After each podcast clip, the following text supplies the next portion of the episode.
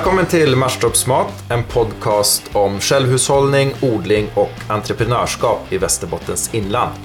Jag heter Jakob och med mig som vanligt har jag Albin. Och vi tänkte börja prata lite grann idag om vad vi har gjort i veckan helt enkelt. Mm. Och vad har vi gjort då? Vad har vi gjort? Vi har... eh, Jag är ju lite ledbruten just nu. Jag har ju börjat med vårbruket idag kan man säga. Ute. Du, du har jobbat hårt, hårt Ja. idag hela dagen och jag har, Legat på soffan och tittat på. jag har tittat på från fönstret och haft, haft lite barn här inne. Och, Eh, så det är ju liksom... Det, det är ju en... det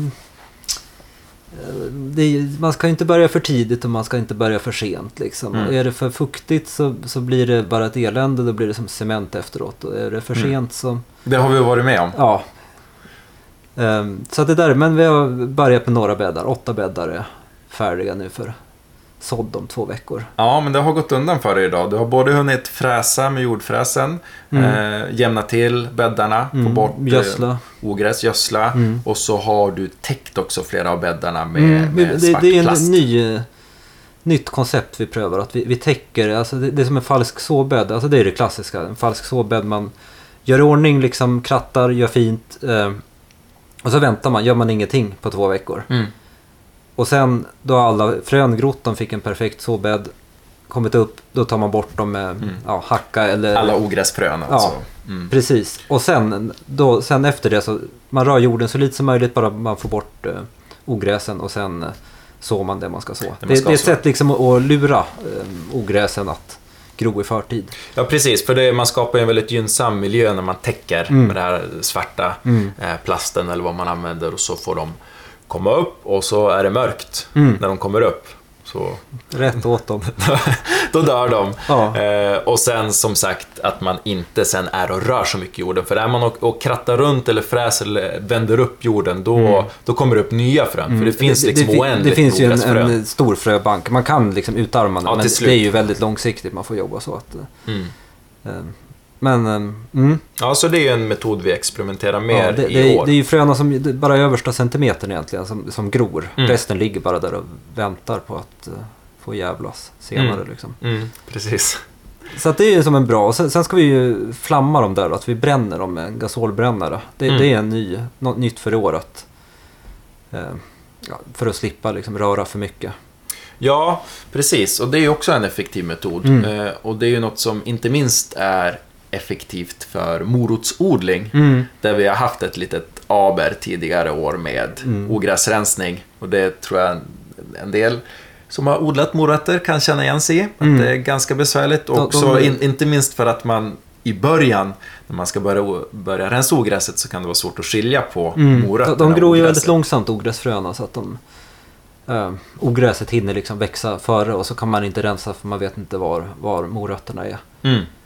Morötterna gror långsamt. Morö, ja, Mm. precis. Ogräset gror fort. Mm. Eh, och eh, då är te- tekniken att vi, vi sår, vi väntar eh, två dagar mindre än det tar för morötterna att gro. Mm. Och sen bränner vi bort allt det ogräset som finns där. Och ett knep att använda där det är att också så lite rödbetor i, i början Mm. av bädden. Rödbetorna snabbare. gror ju två, tre dagar snabbare Mm. än... Så när de, man ser att de har kommit upp första, då bränner man hela bädden, bränner Mm. bort allt ogräs. Och sen kommer de morötterna upp, om Mm. tajmingen blir rätt, en dag efter. Mm. Eh, och så har de ett eh, ganska stort försprång då, mot Mm. ogräset.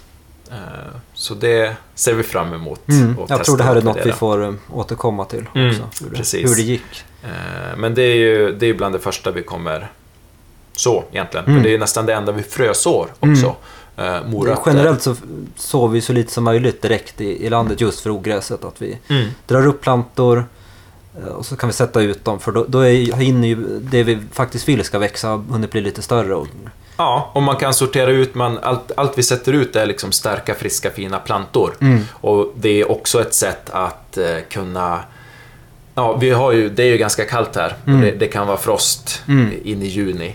Så att eh, liksom få, få kunna driva upp starka plantor. Eh, och, det, det är ju lite det vi pratade om sist. Jag tänker det här med lean och standard och kvalitetsarbete. Att ha lite precision på det vi gör. Mm. Det man direkt sår är ju svårt att få Mm. veta när, det, när och var och hur det kommer upp. Liksom. Ja, och i och med att vi odlar väldigt biointensivt, Mm. försöker få en stor produktion på liten yta Mm. med ganska stor andel manuellt arbete, egentligen. Mm. Till skillnad från att odla eh, stora fält Mm. med, med traktorer.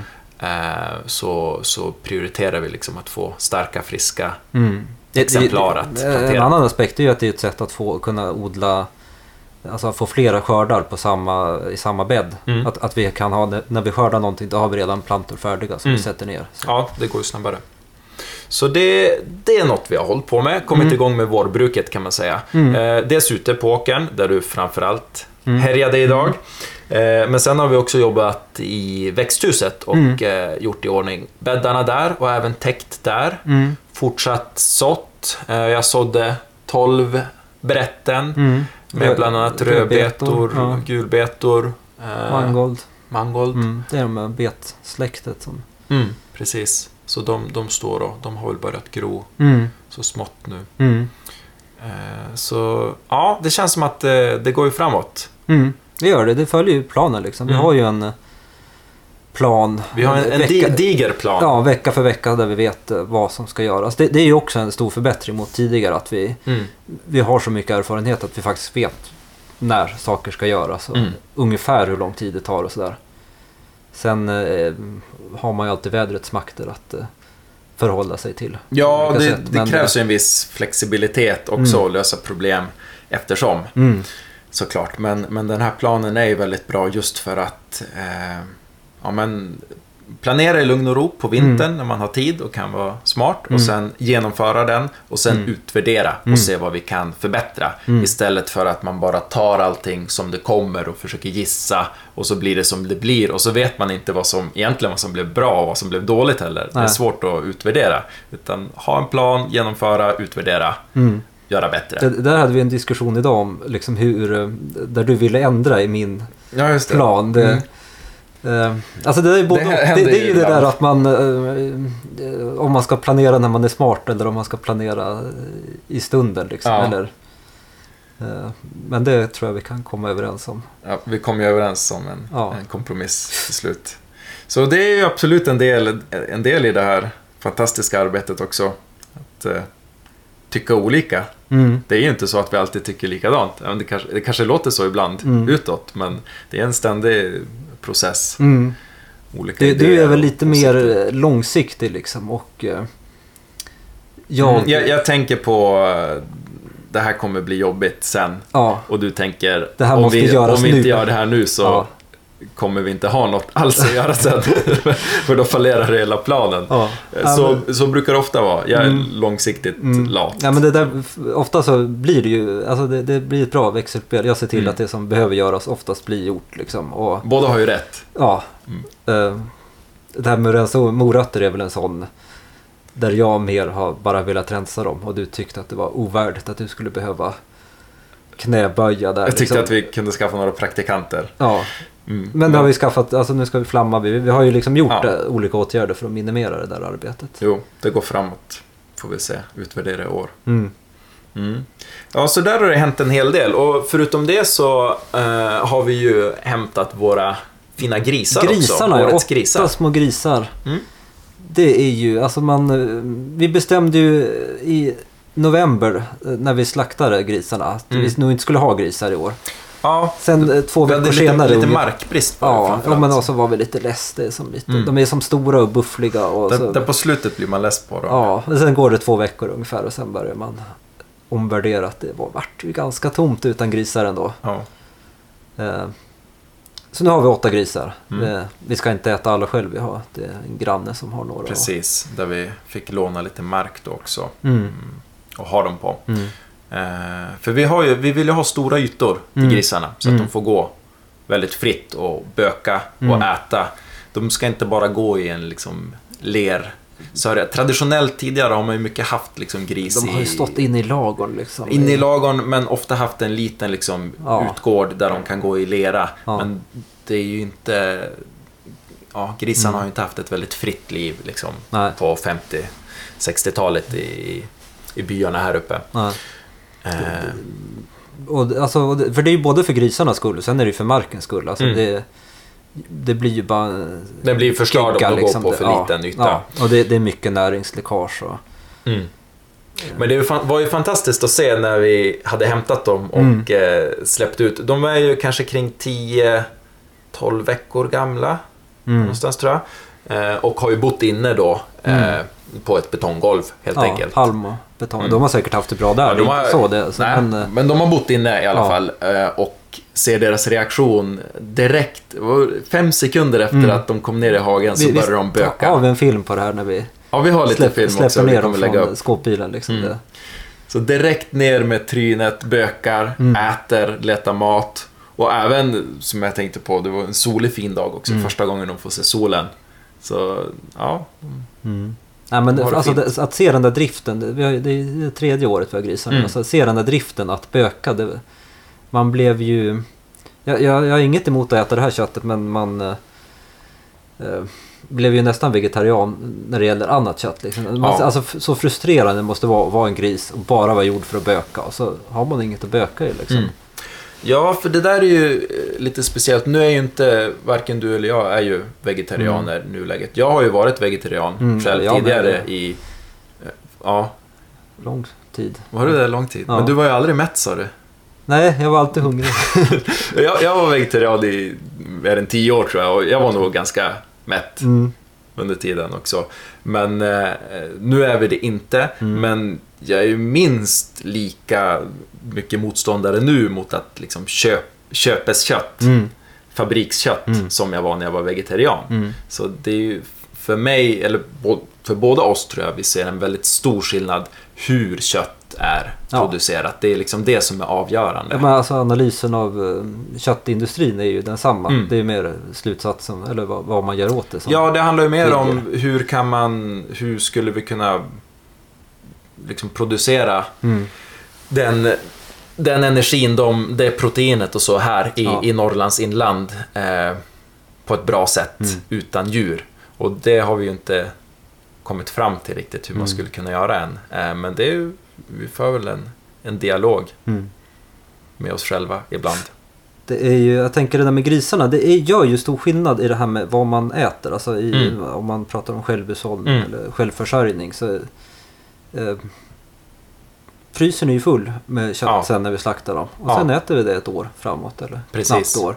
Ja, det blir, det blir ju en stor skillnad för jag tror, om man inte är vegetarian, så, de flesta är ju inte vegetarianer. Mm. många är det, men inte de flesta. Och eh, de flesta äter mycket kött Mm. däremot och köper mycket charkuteriprodukter Mm. och, och korv och, Mm. och eh, fläsk, eh, och Mm. olika, olika typer av kött helt enkelt på affären i stora mängder. Mm. Eh, och eh, det gör ju inte vi längre. Så det Nej, har ju skett en liksom stor, stor förändring Ja. eh, när det gäller eh, självförsörjelse. Ja. Alltså en stor del av min mat i eh, under vintern här, det, det har ju varit potatis och fläsk och surkål. Liksom. Mm, mm. Det är ju, Och det har vi producerat. kan man variera i lite olika liksom, proportioner och Mm. eh, rödkål eller vitkål eller vad man gör surkålen på. Sådär. Ja, det, jo, röd, röd, röd surkål har ju blivit min favorit. mm, jag är lite mer åt den vita. Men det, Ja, en vanlig sak. Det är beroende på vilka bakterier som emigrerar mm, till tarmen. Ehm, men det där tänker jag är viktigt. Alltså jag åt ju aldrig jag, potatis förut egentligen. Och, eller fläsk på det sättet. Mm. Surkål är ju som en ny. Att, att det, det ena sidan av liksom självförsörjning det är ju att eh, producera sin egen mat. Mm. Och egentligen det är ju alltså att odla grönsaker eller Mm. det är ju den lätta delen. Mm. Att eh, ta tillvara det sen och liksom så att det inte blir förstört det, det är ju mycket svårare. Och att sen faktiskt se till att äta upp den maten man har. Har. Det är ju riktigt svårt. Alltså det, det är ju...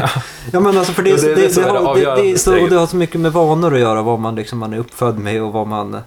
Ja.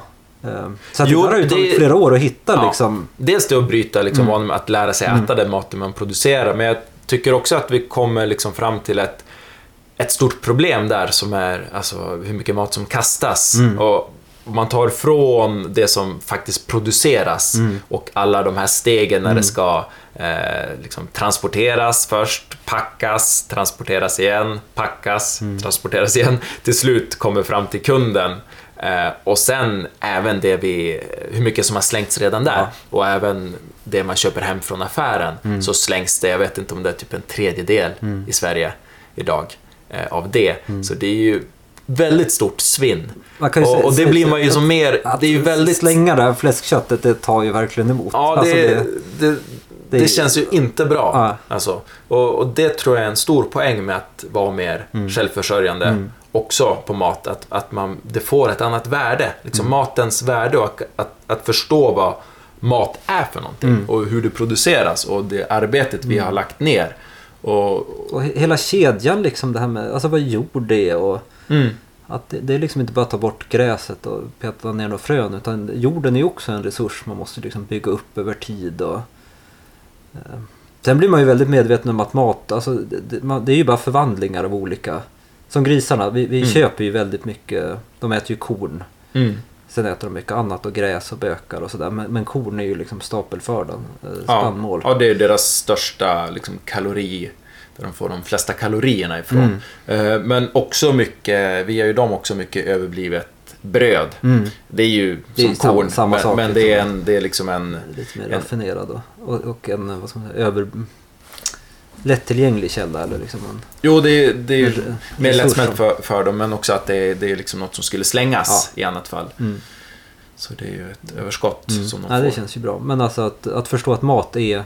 Någonstans ska ju näringen som kommer i maten komma. Den kommer ju liksom inte ur luften bara. Nej, den gör en, inte en del det. kan ju fixa, alltså baljväxter och så kan hämta näring även ur luften. Men eh, Mm, inte all. Nej. nej.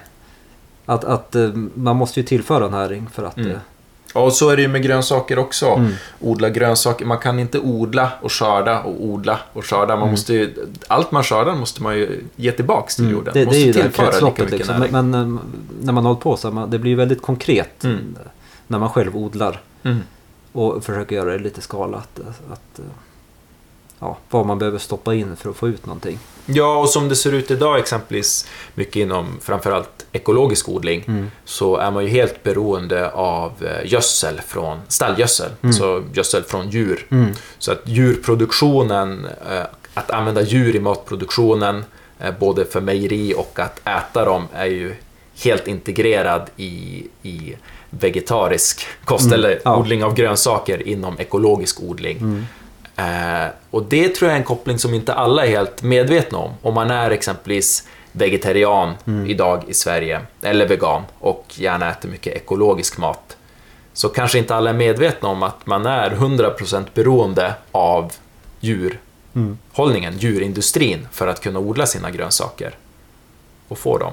Eh, Och det här är ju något som vi har Mm. mer förstått och sett i, i, i första hand. liksom, Och det där är ju något man, vi har liksom eh, funderat ganska mycket på hur, hur man kan komma runt. Alltså det vore ju Mm. intressant på olika sätt av flera skäl att slippa djuren. Eller Mm. liksom att, det, att inte vara beroende av dem Mm. åtminstone för näringen.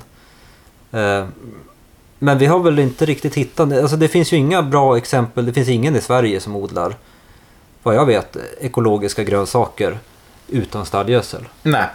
Eh, googlar man finns det en massa hippies av olika slag som odlar med gräsklipp och, och sån här hågelkultur och allt vad det är liksom. Men eh, det, det finns väldigt lite som är underbyggt av forskning. Ja, och sen om det är det liksom verkligen ekonomiskt försvarbart, alltså Mm. fungerar det? Ja. Eller är det ett experiment som, som någon kan pyssla med? Liksom? Ja, nej, men kan... Ofta är det så att det blir liksom antingen är det low input, low output eller så stoppar man in mycket och får ut mycket liksom. Mm. Ja, det är ju som några grundläggande lagar på något Mm. vis, hur det fungerar. Eh, Det är ju någon slags termodynamik i grunden liksom att det, ja, man får ingenting gratis liksom. Man måste nej, men så är det ju. Eh, och det är ju... Ja, det är ju någon mer liksom, djupare filosofisk aspekt av Mm. det här med odlingen och Mm. försöka liksom, producera mat och att uppleva det här, hur det hänger ihop. Och... Eh, Ja men att vara en del i, alla, alltså, i det här flödet liksom av liv och näring och material liksom och vatten och...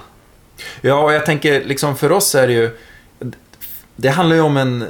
Det är, en, det är ett experiment liksom. Mm. Vi undersöker om, om det är möjligt att producera mat på ett Mm. mer hållbart sätt. Mm. Vi vet ju inte riktigt. Mm. Det här är ju, det är en resa liksom. Det är ju något som pågår hela tiden. Ja. Eh, vi tror ju det. Att det finns bättre och sämre sätt att producera mat på. Och att, som vi gör det idag, eh, håller på att utveckla och gör Man det. kan väl säga alltså, med det vi har lärt oss, att, att bara gå till affären och köpa sin mat känns ju ganska orimligt. Mm. Åtminstone, alltså det, det är klart det finns mycket bra mat på affären också, men mycket av det som säljs produceras på ett väldigt konstigt sätt, eller liksom ett orimligt sätt när man har insikt i hur det fungerar. Ja, eh, det är ju som du sa att all, all mat är olja idag i Sverige. Ja, det är ju det är olja liksom. Eh, antingen är den konstgödslad och det är ju, ja det är inte olja men det är liksom, det är ju Mm. fossila bränslen. Eller, och sen är den, det är traktorer, det är, och Mm. ekologisk odling, där är det ju mer Traktorer. traktorer i och mer olja. Liksom. Förutom det sättet vi odlar på. Ja, Helt utan traktor. ja. En liten tvåhjulstraktor har vi. Ehm, ja men och sen är det transporter och, och det, det är väl också en liksom insikt, den här sårbarheten i de systemen. Så här, Ja. om, eh, det, det, ja, prepping är ju liksom nästan, eh, vad ska man säga, en, eh, vad säger man? Subkultur Ja, en subkultur men det börjar bli mainstream. Trendigt. Liksom. Ja, alltså det pratas mycket om det. Men, på Söder Men, ja, pratar man men, kanske men om. om, om eh, lastbilarna inte får sin eh, diesel liksom, då Ja. är det ju slut på mat i affären på några dagar. Ja, Och, och i, på ett, i ett längre perspektiv, det finns ju undersökningar eller rapporter om vad som skulle hända om, om Sverige inte fick sin oljeimport under mm. ett halvår, ett år. Då, då, Ganska skrämmande rä- läsning. Det, finns ju inte, det blir inte mycket mat kvar liksom. Nej, det, blir inte det. Vi har ju en, redan nu en väldigt låg självförsörjande grad i Sverige. Ja, Eh, och det vi producerar är ju beroende av importerad olja. ja. Ja, precis. Så det är som två aspekter. Det ena är att vi producerar väldigt lite här Mm. överhuvudtaget. Och det vi producerar är i sin tur helt beroende Mm. av fossila bränslen. Och tillgången på lätt utvinningsbar olja ökar ju inte Nej, i världen. nej men alltså det är ju ja, peak oil, det, vi behöver inte fördjupa oss i det. Men Nej. alltså det, vi, vi går ju problem till mötes. Så det, för mig i alla fall så är- det vi håller på med är ju delvis en, liksom, en förberedelse för eh, vi, vi, alltså bör- Katastrofen. Ja, ja, men alltså på något sätt. Inte Alltså, omöjligt. en, en medvetenhet om att vi måste vara beredda på att någonting annat. Liksom. Mm. Och då är det ju de här, hur, hur gör vi då? Vad är det för metoder? Vad är det för kunskap? Mm. Det är ju inte så att man, eh, som många preppers tror, bara börjar odla efter katastrofen. Alltså då, det, det, det, har ju vi, vi har ju hållit på i fem år eller något sådär. Och Ja. det, det, nu börjar vi lära oss liksom. Eh, Så att eh, man ska börja i tid. Ja, och det är ju det är dels många gamla kunskaper som Mm. kanske har fallit i glömska som man Mm. måste försöka... Jo, vi Eh, hade ju för några år sedan när vi odlade spannmål, vi odlade korn. Och liksom försöka räkna ut hur... Ja, hur slår man kornet? Alltså hur Mm. traskar man det? Hur torkar man det? Hur eh, eh, skalar man det? Ja. Eh, det? Det är ju mycket, många steg liksom som man ska kunna. Det är ju det. Eh, Men sen är det ju också... Vi måste ju skapa nya kunskaper, för vi, vi ju läser ju mycket och Mm. försöker ta till oss den forskning som finns som Mm. kan relatera till som vi kan relatera till det vi gör. Och det, det måste ju bli en väldigt kunskapsintensiv typ av odling som vi ser det framöver. Mm. Eh, för att det ska fungera. Så det är ju inte riktigt heller att gå tillbaks till hur man odlade på 1800-talet. Utan, Nej, det är ju inte heller ett alternativ liksom. Och, eh, vi lever ju i den världen vi lever i nu. Vi har ju tillgång till olja och material och plast och stål och allt vad det är liksom. Eh, Och det är billigt. Så det handlar ju om att använda det på bästa möjliga sätt. ja, precis. Det är ju något vi har pratat om tidigare också, tror jag. Det här Mm. med liksom, vad är... eh, Det behöver inte per definition vara fel med traktorer eller motorsågar. Så, Nej. men, men hur kan man utnyttja dem på bästa möjliga sätt så man Mm. får så bra avkastning som möjligt. Så att det, då kan det vara hållbart. Ja. Relativt Alltså det där är en hållbart. diskussion vi ofta har liksom om ska vi, hur mycket plast ska vi köpa till odlingarna eller hur, vad det nu är. Eh, Mm. Och, och då handlar det ofta om att om man kan se att det man gör bygger upp någonting. Eller är det liksom en, är det en slit och släng? eh, eh, Ja, man tänker långsiktigt liksom. Vad, vad, bygger, vad bygger vi upp och vad, vad, vad gör vi oss beroende av? Mm. Alltså, ja. Ja, precis. Och sen är det ju vissa delar då vi, då vi vet att ja, nu är vi kanske mer beroende av det här, men vi kanske har också en alternativ Mm. plan. För Mm. om vi inte skulle ha tillgång till den här mängden fiberduk, Mm. eller plast eller någonting, eh, skulle vi kunna göra, ja det kanske skulle fungera ändå, men det skulle fungera lite sämre. Men att man tänker i de banorna också och Det det med som fi- ett problem. fiberduk är ju som en intressant... Fiberduk det är ju en... eh, eh, vad ska man säga? En väv. Mm. Eller inte en väv utan en, en filtad eh, historia kan man säga. En Ja. tunn eh, som man lägger på grödorna. Den, eh, det blir ett litet, eh, som ett litet drivhus. Den värmer upp lite grann. Mm. Och, Men den släpper igenom, ja, nästan ingen vind, men den släpper igenom ljus och vatten. Ja. Och vi använder ju väldigt mycket kolodlingarna för att... Skydda mot kol är ju kolmal. väldigt... Ja, det är många insekter på kol. Mm. Och, och i ekologisk odling så, så blir ju sånt där ännu viktigare liksom. Mm. För att man sprutar inte på samma Nej, sätt. precis. Och det är som du sa med, med traktorer också, Mm. att det används mer mekaniskt arbete. Ja, så man, man kan, alltså ekologiskt är ju inte bara snällt, det är ju ett, ett annat sätt liksom. Som, det där måste man utvärdera hela tiden Mm. vad man... Ja, och det är därför, för vi är ju, exempel, vi är ju inte ekologiskt eller kravcertifierade. Mm. Eh, nu, jag tror vi uppfyller ju kraven ganska bra. Men eh, det handlar ju lite grann om, också om att inte liksom vilja gå en väg att förespråka en viss metod eller så, utan du är mer... Vi eftersträvar att, att odla efter vetenskap och beprövad erfarenhet, Mm. kan man väl säga. Ja. Och, men, och förstå konsekvenserna av det. Alltså, och, och den, den, den kontext vi är i. Har vi tillgång till ja, näring liksom, på olika sätt eller material eller Mm. Eh, så ska vi använda det. Mm. Det verkar klokt. Mm. Mm. Eh, vi har pratat en hel del om vad vi har gjort Mm. eh, den här veckan eh, och kommit in på lite grann mer det här just själv, självförsörjningsaspekten. Eh, och eh, kommit fram till att för oss var grisar en stor, Mm. en stor fördel. Mm. För då har man, grönsakerna har vi liksom rotsaker och, som Mm. vi kan lagra. Och, och att få köttet till det liksom har Mm. haft en väldigt stor betydelse för oss. Alltså för rä- räknar man i kalorier och sådär. Alltså typ sallad klarar man sig ganska bra utan. Ja. Egentligen tomater och Ja. gurka. Alltså det, det blir man inte mätt på. Nej, alltså, och det är ju där som är, och svårigheten generellt här, alltså det människan behöver är ju protein och eh, vissa essentiella fettsyror i Mm. princip. Och så mycket vitaminer och mineraler och spårämnen. Men de brukar inte vara de svåraste att få i sig. Utan i alla fall här om man tänker med, med produktion och odling. Så om vi tar vegetabiliska Mm. livsmedel. Så ju kallare, kallare klimat det är, desto svårare är det att odla protein och fettrika Mm. vegetabilier. Och det ser man liksom, det som växer bra här, magra rotfrukter. Som in, de har inte så mycket socker i sig heller. Det är Mm. Nej. ganska liksom... Däremot kan man få fram livsmedel med, med mycket liksom vitaminer och mineraler och, och Mm. spårämnen. Och, men mer mikronutrienter. Men just... eh, Och, och tillräckliga mängder stärkelse, liksom, Mm. kolhydrater, kalorier. Men, men just fullvärdigt protein och fett. Avokado exempelvis. Mm. Väldigt nyttigt, bra Mm. livsmedel. Jättesvårt att odla här. Mm. Mycket nötter, Mm. eh, svårt att odla här. Eh, kossor, och jättebra Mm. att odla här. Ja. Äter gräs. Alltså gräs växer ju bra. mm. Eh, Så, där- Så det är den här liksom, ekvationen att förstå det lite grann. Att om man inte ska vara beroende av att transportera mat över hela jorden med fossila bränslen. Eh, så, så är det... Ja, Mm. man måste det är där förstå- förstå hur, hur djurproduktionen kommer in i fungerar där bilden. man själv är. Liksom. Mm. Att, eh, eh, nu är inte grisar något bra exempel men, men eh, gräsätande djur är ju... Alltså, gräs är ju inte så kul att äta för människor. Det blir tråkigt i längden. Ja, liksom. det går ju inte. Nej.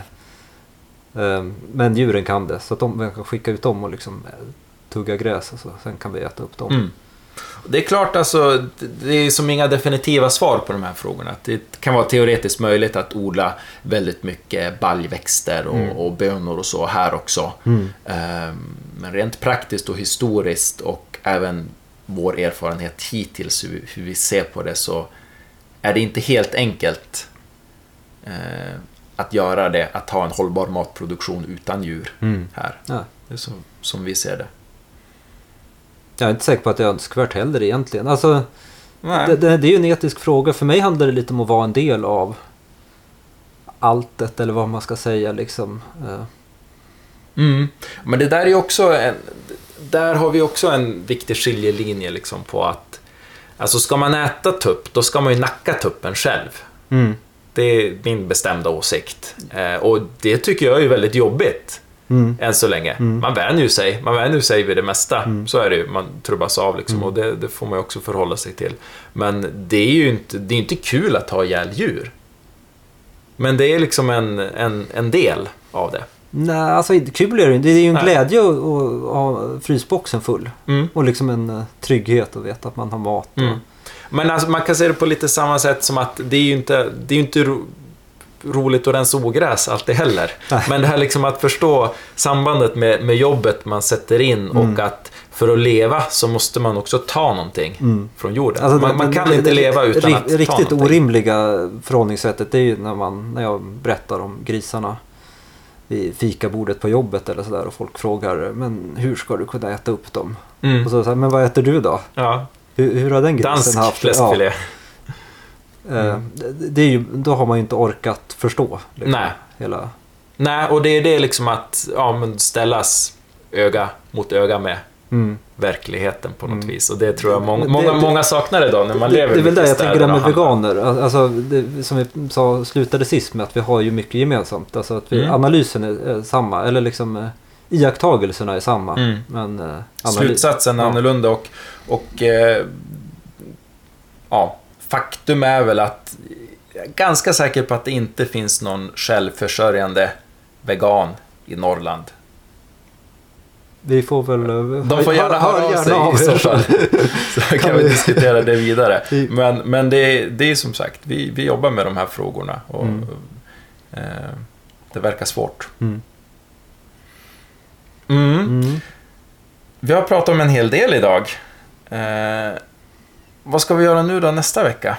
Nu ska vi, alltså det fortsätter ju, nu rullar det ju på. Nu, det är ju som nästan den mest hektiska tiden. Mm.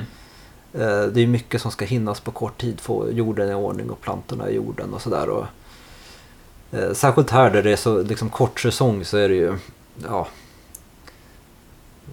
ja, mycket som ska tajmas och det ska inte regna på fel dag och sådär. Så att det, det är mycket sånt vi ska, eh, vi ska... Löken ska komma i jorden nu nästa. Det, det är väl det första levande som hamnar i jorden. Ja. Förutom vitlöken då, den är ju jättefin. Den, satte vi i höstas Mm. och sen har den Ja, det är egentligen fort, alltså det rullar på. Vi ska Mm. fortsätta jordbearbeta, fortsätta så.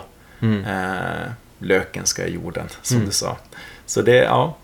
Mm, mycket att prata om Mm. nästa vecka också, helt enkelt. Precis. Ehm, ja. Har du något mer du vill Nej, tillägga? nej? ni, får väl gärna berätta vad vi ska prata om. Ja, vad precis. Vi... Vi, vi tar fortfarande gärna emot förslag eh, på frågor, ämnen som ni vill att vi ska ta upp. Kommentera gärna, dela det här avsnittet med en vän om du tyckte det var bra. Och eh, så hörs vi igen nästa, Nästa vecka, vecka. helt Mm. enkelt.